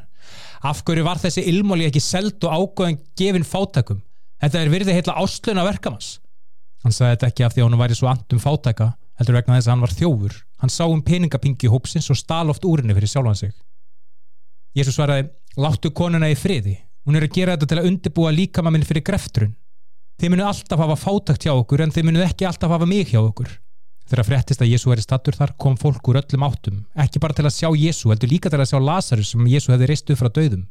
Æðstu prestanir ákveði því að þeir myndu líka að drepa Lazarus, því vegna hans hafði margt fólk yfirgefið þá og farið að trúa á Jésu. Næsta dag fréttist meðal þeirra sem höfðu komið til hátíðarinnar að Jésu væri á leiðin til Jérúsalem. Þau týndu pálmagreinar og heldu á veginn til að taka mótonum, hrópandi Hósanna, lofsingjum Guð, blessaður er sá sem kemur í nafni Guðs, blessaður er konungur Ísrael. Jésu settist á bak östnufóla sem uppfyldi spátuminn sem sagði Ekki vera hrætt, dóttir Síón, sjáðu konungur þinn er komin, sitjandi östnufóla. Lærisveinundir skildu ekki á þeirri stundu að þetta væri spátumur að uppfyllast en þegar Jésu hefði stíð upp í dýrð sína myndu þeir eftir því að þetta hefði gest og skildu að þetta hefði verið ritað um Jésu. Mart fólk þar hefði séð Jésu kalla Lazarus út úr gröfinu og sögðu öðrum frá því. Það er ástæðan fyrir því að svo Mart fólk fór að mætonum, því þau hefðu hýrt af þessu kraftaverki. Þá sögðu farisarnir við hvern annan Það er ekkert sem við getum gert. Sjáu hvernig allur heimurinn eldir hann. Nokkrir gríkir voru á meðal þeirra sem fóru til Jérúsalem til að vera viðstættir páskaháttíðina. Gríkirnir fóru til Filipussar sem var frá Betsætu í Galilegu og báðum að fá að hitta Jésu. Filipus fór til Andresar og þeir fóru saman til að segja Jésu frá því. Jésu svaraði, núna er tíminn komin að mannsónurinn verði gerðu dýrlegur. Ég segi ykkur satt, ef kveitikotnið fellur ekki til jarðar og deyr, heldur það áfram að vera bara eitt kveitikott en ef það deyr gefur það af sér mikinn ávöxt. Þau sem elska lífsitt í þessum heimi munu týna því og meðan þau sem hatast við lífsitt í þessum heimi munu varveita það að eilífu. Þau sem vilja þjóna mér verða að fylgja mér því þjónar mínir verða að vera þar sem ég er og fadurinn mun heidra þau sem þjóna mér. Ég er nú í miklu uppnámi og hvað er ég að segja? Fadur bjargaði mig frá því sem komaskall. Nei, þetta er ymmit ástæðum fyrir því að ég kom í heiminn. Fadir, gerðu nafn þitt dýrlegt Þá heyrðist rött sem kom að himnum og sagði Ég hef gert það dýrlegt og mun gera það aftur dýrlegt. Þegar fólki sem var þarna heyrði röttina heldur sumir að þetta veri þruma en aðri sögðu að engill hefði talað við hann. Jésu sagði Þessi rött kom ekki mín vegna, heldur ykkar vegna. Nú er komin tími dómsins yfir þessum heimi þegar að Satan, herra þessa heims, verður kastað út og þegar ég verð hafin upp af jörðinni mun ég taka allt fólk til mín. Hann sagði þetta til að segja fólki hvernig hann myndi deyja. Þú heyrist í fólkinu Við höfum heyrt það í lögmálunu að þegar Messias kemur mun hann ríkaði eilifu þannig að hvernig getur þú sagt mannsónurinn mun verða hafin upp hver er þessi mannsónur eiginlega? Þá sagði Jésu við þau þið munu bara hafa ljósið í smá stundi viðbót. Gangið meðan þið hafið þeim þá ljósið svo myrkri tak ykkur ekki yfir. Þau sem gangi myrkri vita ekki hvert þau eru að fara trúið á ljósið á meðan þið hafið ljósið ennþá svo þið getur orðið börnljósins Þegar Jésu hefði sagt þetta fór hann á faldist, en þrátt fyrir öll kraftaverki sem hann hefði framkant meðal þeirra trúði minniluti fólksins á hann. Þetta uppfyldi orð Jésaja spámanns þegar hann sagði Hver hefur trúað bóðskap okkar? Hverjum hefur drottin ofinberað hönd sína? Þess vegna trúði fólkið ekki, því Jésaja segir á öðrum stað Hann hefur blindað augu þeirra og hert hjörtu þeirra svo þau sjá ekki með augunum og skilji ekki með hjörtunum. Þau snúa sér ekki að mér svo ég geti læknað þau. Ég segja ritaði þetta því hann sá dýrð Jésu og talaði um hann. Hins vegar trúði margt fólk á hann og jafnvel sumir meðal trúarleitóana En vegna farisana viðurkendu þeir ekki trú sína ofinberlega af óttaði að vera gerðir brottarækjur úr samkomuhúsunum. Þeir elskuði heiður frá mönnum meir en heiður frá Guði. Þá kallaði Jésu til fólksins Þau sem trúa á mig, trúa ekki á mig, heldur á þann sem sendi mig. Því þeir sjáu mig, sjáu þið þann sem sendi mig. Ég kom í heiminn til að vera ljós, svo þau sem trúa á mig haldist í ljósinu. Ég mun ekki dæma þau sem heyra ormin en hlýða þeim ekki, því ég kom ekki til að dæma heiminn, heldur til að bjarga heiminum. En þau sem afneta mér og bóðskap mínum munu dæmast af orðum mínum á loka deginum, því ég talaði ekki frá sjálfu mér, heldur sagði ég bara það sem fadurinn sem sendi mig skipaði mér að segja. Ég veit að bóður hans leiða til eilífs lífs, því segi ég hvað svo sem fadurinn segi mér að segja. 13. kapli Áður en páskaháttíðin rann upp vissi Jésu að tíminn væri komin fyrir hann að yfirgefa þennan heim og snúa aftur til föðursins. Hann hafði elskað fólkið sitt sem voru í heiminum. Hann elskaði þau, allt til enda. Þegar það var komin tími fyrir kvöldmáltíðina hefði djöfullin þá þegar látið Júta, svon Símonar Iskariots ákveðað svíkja Jésu. Jésu vissi að fadurinn hefði gefið honum valdi yfir öllu og hann hefði komið frá Guði og myndi snúa aftur til Guðs. Jésu stóð upp, fórur kirtlinum og vafði handklæðu mittið. Hann heldi vatni í skál, þvoði fætur lærisveinana og þurkaði þá með handklæðinu sem hann hafði vafið um mittið. Þegar röðin var komin að Símóni Pétri sagðan við Jésu, Herra, ætla þú að þvó mér fætur þá? Jésu svaraði, þú skilur ekki núna hvað ég er að gera en þú mynd skilja það síðar. Pétur sagði þá, nei, þú mynd aldrei þvó mér fætur þá. Jésu svaraði, ef ég þvæ ekki á þér fæturna, áttu enga samlið með mér. Símón Pétur sagði þá, þvóði þá hendutar og höfu mitt líka. En Jésu svaraði, þegar manneskja hefur öll verið hrinsuð þarf bara að þú að fætuna, líka með hennar er hrein og þið eru hreinir, þó ekki allir ykkar. Því Jésu vissi hver myndi svíkjan og þess vegna sagði hann að þeir væri ekki allir hreinir. Þegar hann var búinn að þú að fætur þeirra fór hann aftur í föttin, settist niður og spurði þá, skiljið þið hvað ég hef gert fyrir ykkur? Þið kallið mig kennara og herra og það er rétt, því það er það sem ég er. Og það sem ég, herra ykkar og kennari, hef þveið ykkur um fætuna, skulið þið líka þú að fætur hvers annars. Ég hef verið fyrirmynd fyrir ykkur. Geri það fyrir annað fólk sem ég hef gert fyrir ykkur. Ég segi ykkur satt að þjóttnin er ekki meiri en herra sinn og sendibóðin er ekki meiri en sá sem sendan. Nú þegar þið viti þessa hluti mun Guð bless ykkur ef þið framkamið á. Ég er ekki að tala um ykkur alla. Ég veit hverja ég hef útvalið. En þetta uppfyllir spátóminni í rittningun sem segir Hann sem deili með mig brauðinu hefur snúist gegn mér. Þetta segi ykkur áður en það gerist svo þið munu trúa þegar þetta gerist. Að ég sé sá sem ég er. Ég segi ykkur satt að þau sem bjóða velkomin þau sem ég sendi, bjóða mig velkomin og þau sem taka á móti mér, taka á móti þeim sem sendi mig. Þegar Jésu hafði sagt þetta komst andi hans í uppnám og hann sagði Ég segi ykkur satt, einn af ykkur mun svíkja mig. Lærisveinni störða hvern annan að hugsuðu hvernig Jésu geti átt við. Einn af þeim lærisveinin sem Jésu elskaði var við hliðin á honum við borðið. Símon Pétur gaf honum bendingu að spyrja Jésu hvert hann ætti við. Sá lærisvein hallaði sér að Jésu og spurði Herra, hver er það? Jésu svaraði Það er sá sem ég mun rétta þetta brauð eftir að hafa dýftið í skáluna. Þegar hann hafið dýft brauðinu réttið hann Júta, sinni Símonar Ískarjóts brauðbyttan. Um leið og hann tók við brauðinu fór Satan í hann. Þá sagði Jésu, gerðu það fljótt sem þú ert að fara að gera. En enginn þeirra skildi hvað Jésu hefði sagt við hann. Þar sem Júta held um peningapinguna heldur sumir að Jésu hefði sagt honum að fara að kaupa það sem þurfti fyrir háttíðina eða gefa eitthvað til fátakra. Júta fór um leið og hann hefði tekið við brauðinu. Það var sint um kvöld. Þegar hann var farin saði Jésu mannsónurinn er nú hafin upp og Guð er hafin upp í honum. Ef Guð er gerður dyrlegur í honum mun Guð líka gera svonin dyrlegan í sér. Börni mín, ég mun ekki vera mikið lengur hjá okkur og eins og ég sagði trúa leittónum þau munu leita mér en þið getið ekki farað þangað sem ég fyrr. Ég gef ykkur nýtt bóðorð að elska hvert annað eins og ég hef elskað ykkur skuli þið elska hvert annað. Kærleikur ykkar til hvers annars mun sanna fyrir heiminum að þið séu lærisverna mínir. Símón Pétur spurði þá Jésu Herra, hvert þetta að fara? Jésu svaraði Þið getið ekki komið með mér þanga sem ég er að fara en þið munu koma þanga setna Pétur spurði Herra, akkur getið ekki fyllt þið þanga núna? Ég myndi fórna lífið mínu fyrir þig Jésu svaraði Myndur þú fórna lífið þínu fyrir mig? Ég segi þið satt Áður en hann er galar myndu afneta með þrísvar 14. kapli Ekki lefa hjörtum ykkar að skelvast Þið tristi Guði og þið tristi mér líka. Hús föðu mér sem hefur mörg herbyggi. En það væri ekki þannig hefði ég þó sagt að ég væri að fara að undirbúa stað fyrir ykkur.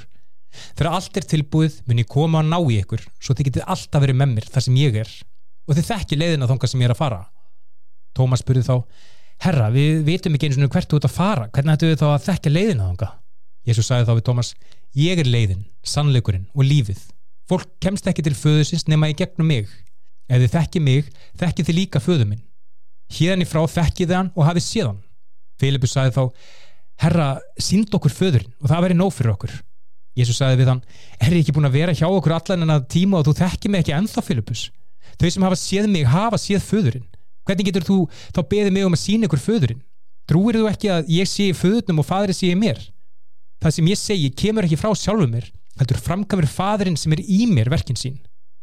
Trúi mér að ég er í föðurnum og fadrin er í mér. Trúið að minnstakosti vegna verkana sjálfra. Ég segi ykkur satt, þau sem trúa mér munu líka framkama verki sem ég framkami og þau munu framkama verk meiri en þau því ég er að fara til föðusins Þið munu öðlast allt það sem þið byggjið um í mínu nafni svo fadrin getur verið hafin upp í senunum. Ef þið byggjið mig einhvers í mínu nafni muni ég gera það. Ef þið elski mig munu þið líka halda bóður mín. Og ég mun byggja föðurinn og hann mun gefa ykkur annan hjálpara sem mun alltaf vera með ykkur. Ef þið elski mig munu þið líka halda bóður mín. Og ég mun byggja föðurinn og hann mun gefa ykkur annan hjálpara sem mun alltaf vera með ykkur. Hjálparinn er andi sannleikans Heimurinn getur ekki tekið á mótonum því heimurinn sér hann ekki og þekkir hann ekki en þið þekkið hann því hann mun vera með ykkur og vera í ykkur.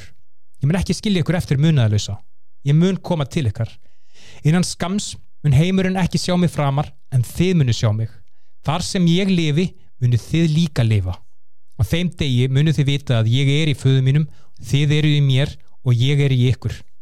Þau sem hafa bóður mín og halda þau eru þau sem elska mig. Þau sem elska mig munu verða elskuð af föðurnum og ég mun líka elska þau og ofinbera mig fyrir þeim.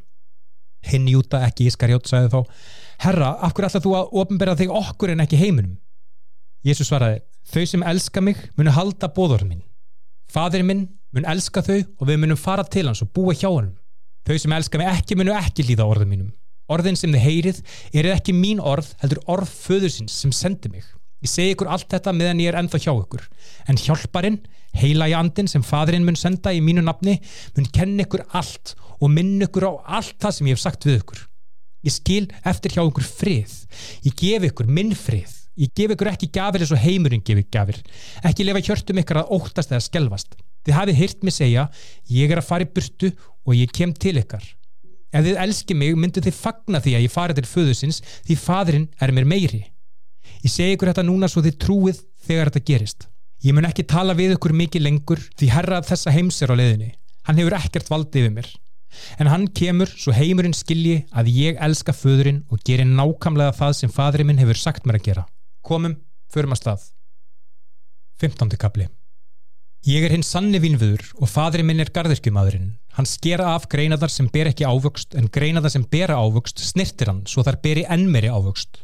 Þið eru nú þegar reynir vegna orðana sem ég hef sagt við ykkur. Verið í mér og ég í ykkur. Alveg eins og að grein getur ekki borið ávöxt nefn hún sé á trénu, getur þið ekki borið ávöxt nefn að þið séuð í mér. Ég er vinnviðurinn, þið eru greinarnar. Þau sem haldast í mér og ég í þeim munu bera mikinn ávöxt því þið getið ekkert án mín. Þau sem haldast ekki í mér eru eins og greinar sem er kastað til hliður og vissna, þeim er sapnað saman, kastað í eld og brendar. Ef þið haldist í mér og orð mín haldast í ykkur, getið þið beðið um hvað sem er og ykkur mun hlottnast það. Það er upphefð föðu míns að þið beri mikinn ávöxt og sannið að þið séu lærisveina mínir. Hins og fadurinn elskar mig hef ég líka elskað ykkur. Haldið ykkur í kærleika mínum. Ef þið haldið bóðorð mín, munið þið haldast í kærleika mínum, alveg eins og ég hef haldið bóðorð föðu míns og haldist í kærleika hans. Ég hef sagt ykkur þetta svo gleði mín sé í ykkur og að gleði ykkar verði fullkomnuð. Þetta er bóðorð mitt elskið hvert annað eins og ég hef elskað ykkur engin kærleikur er meiri en að leggja lífsitt í söluna fyrir vini sína þið eru vini mínir ef þið gerir það sem ég segi ykkur að gera ég kall ykkur ekki þjónalengur því þjónar veit ekki hvað herra sinn gerir ég kall ykkur vini því ég hef sagt ykkur allt það sem ég heyrði frá föðu mínum þið völdu mig ekki heldur valdi ég ykkur ég valdi ykkur til að fara og bera ávexti og að ávextir ykkar skulu endast svo þið fáið allt sem þið byggði föðurinn um í mínu nafni hann mun gefa ykkur það Þetta er bóður mitt. Elskið hvert annað. Þegar heimurinn hatar ykkur, ekki gleyma því að hann hataði mig fyrst. Ef þið væru af þessum heimi, myndi heimurinn elska ykkur. En þar sem þið eruð ekki af þessum heimi, mun heimurinn hata ykkur. Því ég hef útvalið ykkur úr þessum heimi. Muni hvað ég sagði ykkur. Þjótt er ekki meir en herra sinn. Ef ég er ofsóttur, muni þið líka vera ofsótt. Ef hlusta hefði verið á mig, væri líka hlusta á ykkur. Þau muni fara með ykkur á þennan hátt vegna napsmins, því þau veit ekki hver það var sem sendi mig. Ef ég hefði ekki komið og talað við þau, væri þau ekki segum synd, en núna hafa þau enga afsökun fyrir synd sinni. Þau sem hata mig, hata föðurinn líka.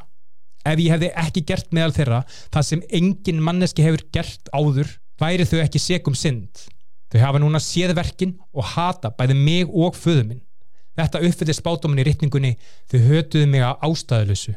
Þegar hjálparinn kemur sem ég mun senda ykkur frá föðunum, sannleiksandin sem kemur frá föðunum, mun hann vitna um mig. Þið munu líka vitna um mig því þið hafi verið með mér frá upphafi. 16. kapli Ég hef sagt ykkur allt þetta svo þið rasið ekki. Ykkur verður bannað að koma í samgómahúsin og raunar mun sá tími koma að fólk mun drep ykkur og halda það sem þjónist af Guð. Þau munu gera þetta því þau þekkja korki föðurinn nýja mig. Ég hef sagt ykkur þetta svo að þegar að tíminn kemur geti þið rifjað upp að ég var búin að segja ykkur þetta. Ég sagði ykkur þetta ekki uppafi því þá er ég með ykkur. En núna er ég að fara aftur til það sem sendi mig og ekki einningar spyr hvert þetta fara. Í staðin eru þið sorgmættir því ég hef sagt þetta við ykkur. En ég segi ykkur satt að það er betra fyrir ykkur að ég fari því ef ég færi ekki í burtu kæmi hjálparinn ekki til ykkar. En ef ég fer mun ég senda hann til ykkar. Þegar hann kemur mun hann sanna að heimurinn hefur rámt fyrir sér varðandi synd, réttlæti og dómin. Um syndina, af því að þau trúðu mér ekki, um að réttlæti, því að ég er að fara til föðusins þar sem þið sjáum ekki lengur, og um dómin, því herra þessa heims hefur nú þegar verið dæmtur. Ég hef margt annað sem ég þarf að segja við ykkur en þið mynduð ekki þólaða núna. En þegar hjálparinn, sannleiksandin, kemur, mun hann leið ykkur í allan sannleika. Hann mun ekki tala af sjálfum sér, heldur bara segja það sem hann heyrir og hann mun segja ykkur hvað mun gerast. Hann mun upphefja mig því hann mun taka af því sem ég á og gefa ykkur það. Allt sem fadurinn á er mitt. Þess vegna segði ég að andin muni fá frá mér það sem hann mun gefa ykkur. Eftir smá stund muni þið ekki sjá mig lengur og svo stutt eftir það muni þið sjá mig aftur.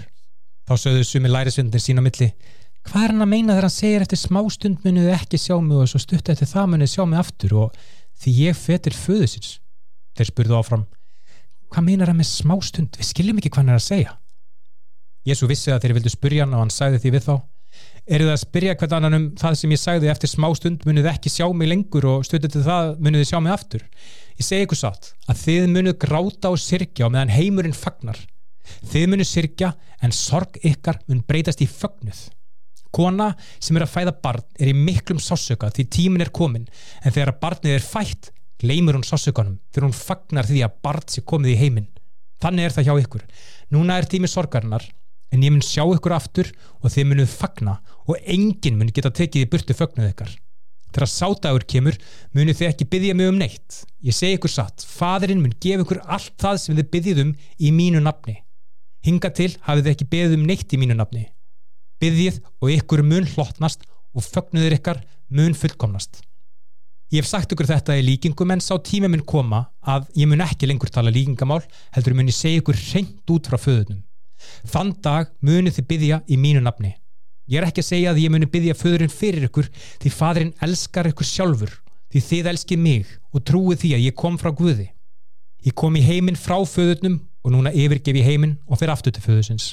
Það sögðu lærisvennir Nú talaru tæpi tungu löst og án líkingamáls. Nú vitum við að þú veist allt og þart ekki neitt til að spyrja það að spurningum. Þetta lætur okkur trú að þú komst á Guði. Jésús svaraði, trúið þið núna? Tímin er að renna upp og raunar er hann nú þegar komin sem þið tvistrist. Hver til síns heimabæjar. Þið munið skilja mig einan eftir. En ég verð ekki einn, því fadurinn er með mér. Ég hef sagt okkur þetta svo þið hafið í mér frið. Þið munið þóla þjáningar í þessum heimi en verið hugrakir. Ég hef sigrað heiminn.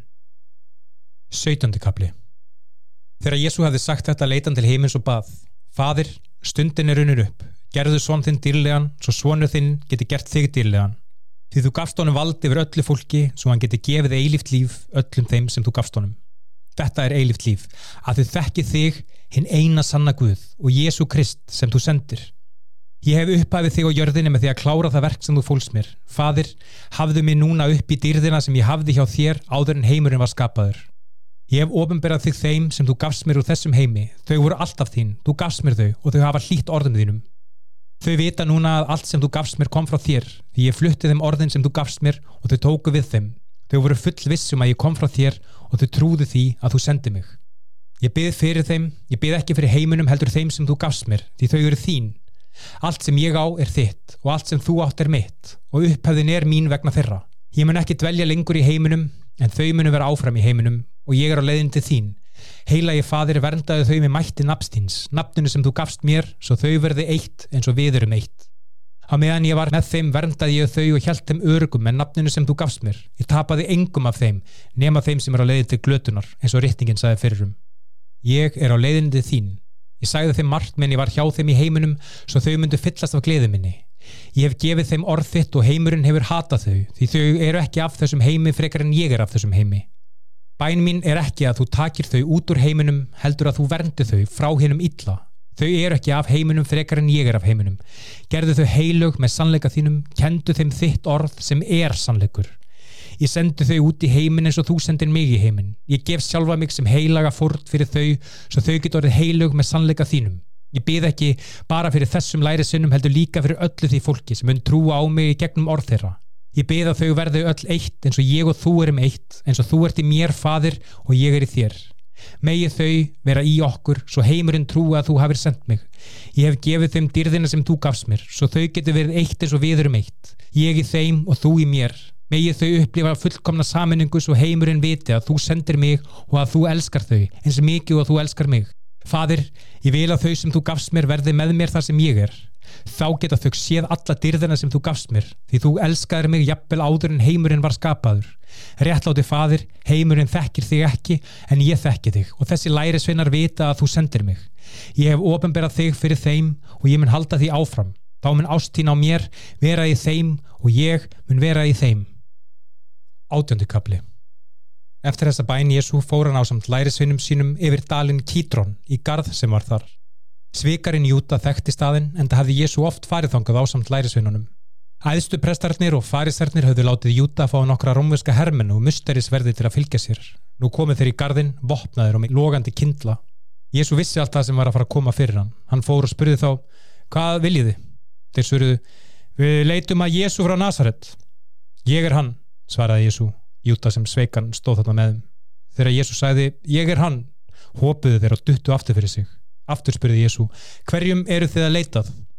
Þeir sögðu, Jésu frá Nazaret Jésús svaraði ég er búin að segja ykkur að ég sé hann ef þið eru að leita mér, leifið þá þessum að fara þannig rættist rittningin sem sagði ég tapaði ekki neinum af þeim sem þú gafst mér þá tók Símon Pétur upp sverð og skar hægra eirað af Malkusi sem var þjótt aðstaprestsins en Jésús sagði við Pétur slíðiraðu sverðið á ég ekki að drekka af byggar þjáningarnar sem fadurinn gaf mér herrmennir, yfirmaður þeirra og musterisverðinir handóku þá Jésú og bundan Þeir fóru fyrst meðan til Annas sem var tengdafæðir Kæfasar sem var æðsti presturinn það árið. Kæfas var sá sem segði að það væri betra að eitt maður dægi fyrir fólkið. Símon Pétur og annar lærisveitn eldu og eftir. Hinn lærisveitnin var kunningi æðsta prestins og fekk því að fara inn í garð æðsta prestins með Jésu en Pétur beð fyrir utan dittnar. Hinn lærisveitnin, sá sem þekkti æðsta prestin, fór tilbaka, talaði við þjónustustúlku og fekk að hleypa Pétri inn. Hún spurði Pétur, Ert þú ekki einn af lærisvinnum þessa manns? Pétur svaraði, það er ég ekki. Það var kallt þessa nótt og þjónarnir og verðirnir stóðu við eld til að hlýja sér. Pétur stóð þar líka og hlýjaði sér. Inn í húsinu var aðstipresturinn að yfirheyra Jésu um lærisveina hans og kenningar. Jésu svaraði honum, ég hef talað opinskátt og opinberlega. Ég kendi í samgómi húsunum og í musterinu þar sem fólki sapnaðist allt saman. Ég hef ekki gert neitt í leini. Af hverju er það að spurja mig? Spurja þau sem heyrðu mig tala, þau hljóta að vita hvað ég sagði. Þegar Jésús sagði þetta slóið varðana hann utanundur og sagði Er það svona sem þú svarar aðstaprestunum? Jésús svaraði Ef ég sagði eitthvað rámt, segðu þá hvað það var En ef ég er að segja satt, akkur er slóstu með þá? Þá sendi Annas hann bundin til Kæfarsar, aðstaprestins Á meðan var Símon standandi við eldin og hann var spurður aftur Þú ert ekki einn af lærisveinunum hans, eða það nokkuð? Hann neytaði því og sagði Ég er það ekki Einn af þjónum aðstaprestins, ættingi mannsins sem Pétur skar eirað af spurðan þá Sá ég ekki með honum í gardunum? Aftur neytaði Pétur og þeirri stundu galaði hanni. Jésu var yfirherður frammi fyrir kæfasti til morguns. Þá var farið með Jésu til höfuðstöðva rómverska ríkistjórans. Þeir sem ákjörðan fóru ekki þar inn svo þeir yrði ekki óhreinir samkamt helgisiðum gýðinga og gætu þá ekki borðað páskamaldíðina. Ríkistjórin sem hétt Pílatus fór út til þeirra og spurði Fyrir hvað ákjörðiði þennan mann? Þeir svöruðu, ef hann væri ekki glæpamaður hefðu við ekki komið hann til þín. Pílatus sagði, fari með hann og dæma hann eftir ykkar lögum. Þeir mótmæltu. Það er ekki löglegt fyrir okkur að taka fólk að lífi. Þetta uppfyldi spátum Jésu um það hvernig hann myndi deyja. Pílatus fór aftur inn í höllina, let kalla eftir Jésu og spurðan, Ert þú gíðinga kongurinn? Jésu spurðan á móti, heldur þú það að hafa aðrið sagt það um mig? Pílatus svaraði, er ég þó gíðingur? Þitt eigi fólk og aðstu prestatnið framsalduði tímin. Hvað er það sem þú gerðir að þér? Jésu sagði, konungsvíki mitt er ekki af þessum heimi. Ef svo væri hefði þjónar mínir barist til að koma í vekk fyrir að ég erði handekinn af trúaleituðunum. En konungsvíki mitt er ekki af þessum heimi. Pílatus sagði þá, svo þú ert kongur? Jésu svaraði, þú segir að ég sé kongur. Raunar er ástæðan fyrir því að ég fættist og komið þennan heim svo að vittna um sannleikan. Þau sem eru með sannleikanum í liði hlusta á mig. Píldur svaraði, hvað er sannleikur? Síðan fór hann aftur út til fólksins og sagði þau, hann er ekki segur um neitt glæp, en það er venjan ég leysi úr haldi eitt fanga á páskaátti, en vilja ég leysi úr haldi gýðinga kongin. Fólkið öskraði á móti, nei ekki hann, leistu Barrabás úr haldi. En Barrabás var uppreysna maður. 19. kapli Pílatus let þá hýða Jésu Hermeninnir snýru saman þyrna til að búa til kórónu og setja á höfuð hans. Þeir klætta hann í yfirhöfn úr purpura. Þeir hættust að hann og sögðu Heil sé gýðinga kongnum og sló hann í andlitið. Píldus kom út aftur og sagði fólkið Ég ætla að færa þennan mann út til ykkar aftur svo þið viti að ég hef ekki fundið neina sökja á hann. Þegar Jésu kom út með þyrni kórununa og í purpura yfirhöfninni sagði Pílatus við fólkið Hér er hann Þegar aðeistu prestandur og musterisverðin sá hann öskuðu þeir Krossfestan, krossfestan! Píldur sagði þá Taki þiðan á krossfesti, ég finn enga sökja á hann Trúaleitu hann svöruðu Sangant lögumál okkar er hann dauðasegur því hann kallaði sjálfa sig svon Guðs. Þegar Pílatus heyrði þetta varð hann jæfnvel ennskelkari fór aftur inn í höllinu og spurði Jésu Hvaðan ertu heila? En Jésu svaraði hann ekki Píldur sagði þá, neytar að svara mér? Skilur ekki að ég hef vald til að leysa þú haldið að láta krossfesta þig? Jésu svaraði, þú hefðir ekkert vald yfir mér ef þú hefðir ekki fengið það að gjöfað ofan. Þess vegna eru þeir sem framseldu mig til þín sekar um verrið sind Frá þessari stundu reyndi Pílatus að leysa Jésu úr haldi en trúa leituðanir öskruða móti Ef þú leifir þessu manni að fara ert þú engin vinur keisarans. Hver sem kalla sig kong setur sig upp á móti keisaranum Þegar Bíldus heyrði þetta let hann færa Jésu út og settist í dómarasettið á stað sem heitir Gabbatha eða Steinagata. Þetta var um hádegi á aðfangadegi páska. Bíldus saði við fólkið, sjáuð, hér er kongurinn ykkar. En fólkið svaraði, takt hann í burt, farðu með hann, krossfestan. Bíldus spurði þá, á því að krossfesta kongin ykkar. En aðeistu prestinir öskruða móti, við höfum engan kong nema keisaron. Bíldus framseldi þá Jésu til þeirra svo hann erði krossfestur og herrmenninni fóru með Jésu í burtu Jésu held sjálfur á krossinum til staðar sem heitir Hauðskupa eða á hebresku Golgatha. Þar krossfestuð er Jésu. Tveir voru krossfesti með honum, sikkur megin við hann.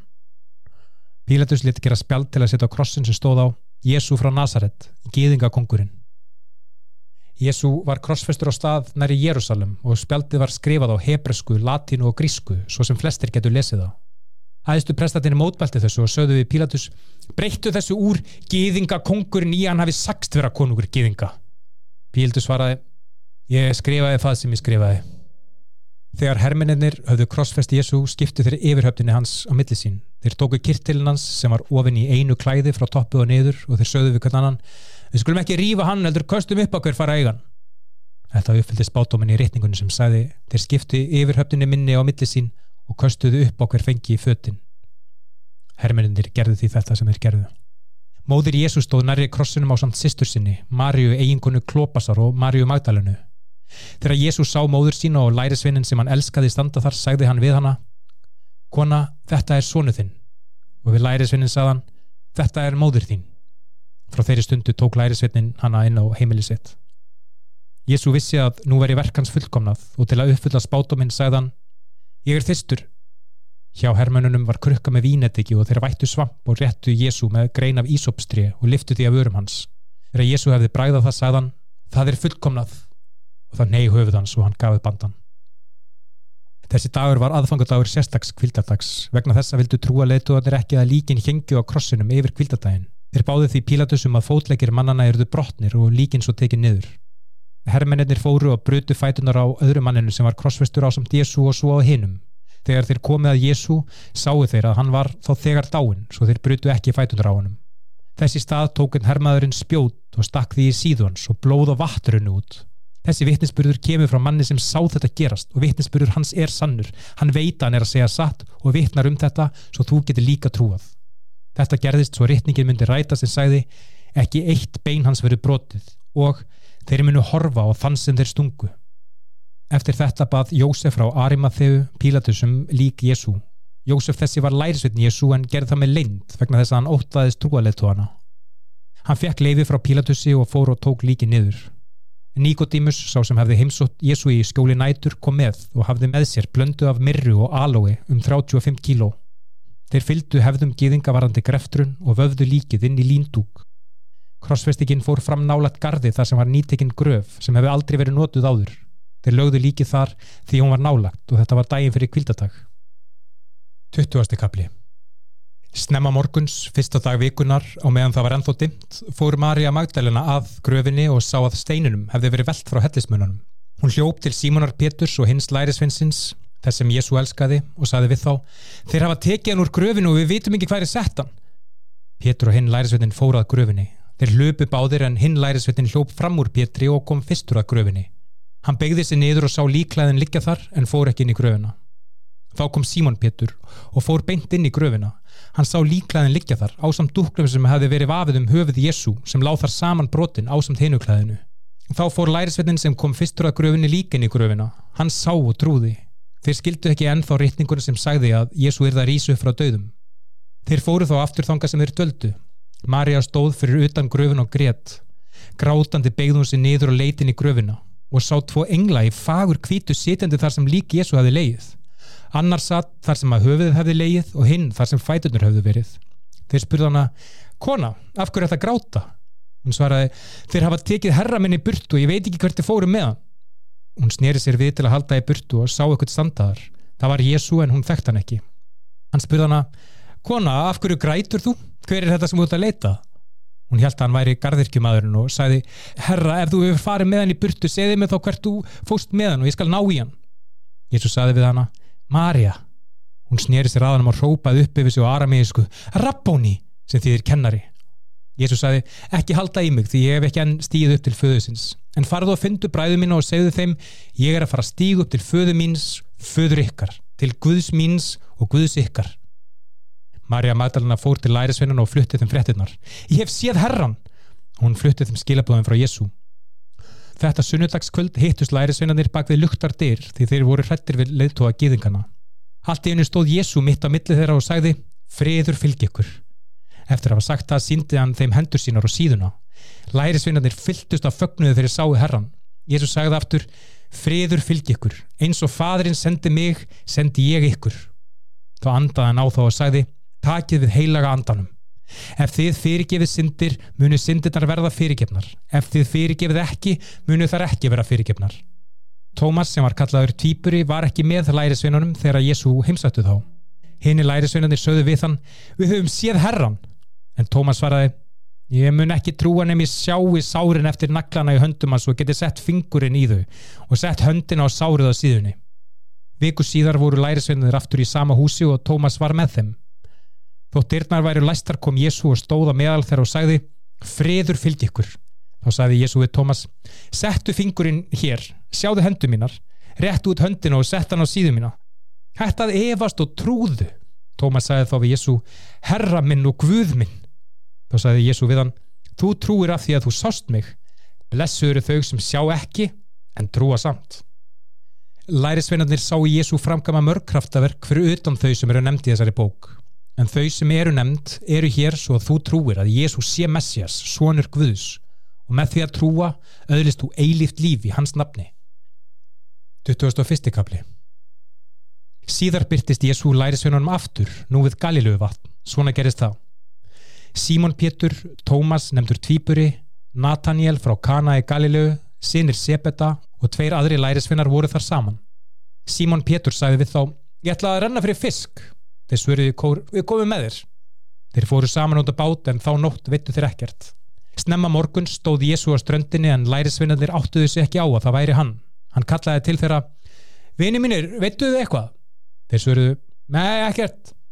Jésús sagði þá, kasti netinu hægra megin við bátinn og þá munið þið vera varir. Þegar þeir gerðu það gáttu þeir ekki dreyðið netið því það var svo fullt af fiski. Þá sagði lærisvinnin sem Jésu elskaði við Pétur, þetta er herran. Þegar Símon Pétur heyrði það vafði hann klæði um sig og stökk út í vatnið.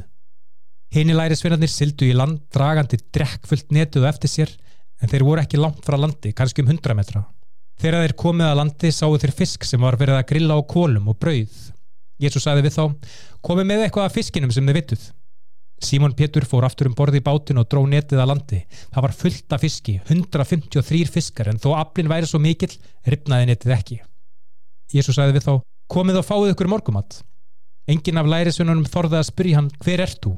Því þeir vissu að þetta var í herran. Jésu gaf þeim brauð og gerði það saman með fiskin. Þetta var í þriðja skipti sem Jésu byrtist lærisönunum eftir að hann var restur upp frá döðum. Þegar þeir voru búinir að matast, sagði Jésu við Símon Pétur, Símon Jóhannesson, elskað þú mig meira en hinnir? Hann svaraði, já herra, þú veist það ég elska þig. Jésu sagði þá, sjáðu um lömpin mín. Aftur spurði Jésu, Símon Jóhannesson, elskað þú mig? Hann svaraði, já herra, þú veist það ég elska þig. Jésu sagði þá, sjáðu um lömpin mín. Jésu sagði þá í þriðaskiptið Símon Jóhannesson, elskar þú mig? Pétur var sára því að Jésu var að spyrja henni þriðaskiptið, elskar um mig og sagði því, Herra, þú veist allt þú veist að ég elska þig Jésu sagði þá, sjáðu um lömpin mín ég segi þér satt þegar þú varst yngri klættu þú því sjálfur og fóstangað sem þú vildir en þegar þú ert orðin gamal myndu tegja út höndina og annar mun klæða þig og leiða þig þangað sem þú vilt ekki fara Jésús sagði þetta til að gefa til kynna hvernig Pétur myndi deyja til að upphefja Guð. Síðan sagði Jésúi Pétur, fylgdu mér. Pétur snýri sér við og sá að lærisveitin sem Jésú elskaði var að fylgja þeim eftir. Þetta er lærisveitin sem spurði Jésú í síðutu kvöldmáltíðinni, hver er það sem mun svíka þig? Þegar Pétur sá lærisveinin spurði hann Jésú, hvað með hann? Jésú svaraði, ef ég vil að hann lifi þar til ég kem aftur, hvaða máli skiptir það þig? Þú átt að fylgja mér. Vegna þessa spratt upp svo orðrómur með að lærisveinana að þessi lærisveit myndi ekki deyja. En Jésús sagði það ekki, heldur sagði ef ég vil að hann lifi þar til að ég kem aftur hvaða máli skiptir að þig. Sá lærisveitn er maðurinn sem vittnar um allt þetta og skrifaði þetta niður. Við vitum að vittnisburur hans er sannur. Jésu gerði ótalmart annað og ef það erði allt skrifað niður held ég að allur heimurinn myndi ekki hafa nóg pláss fyrir allar bækurnar sem þyrta að skrifa.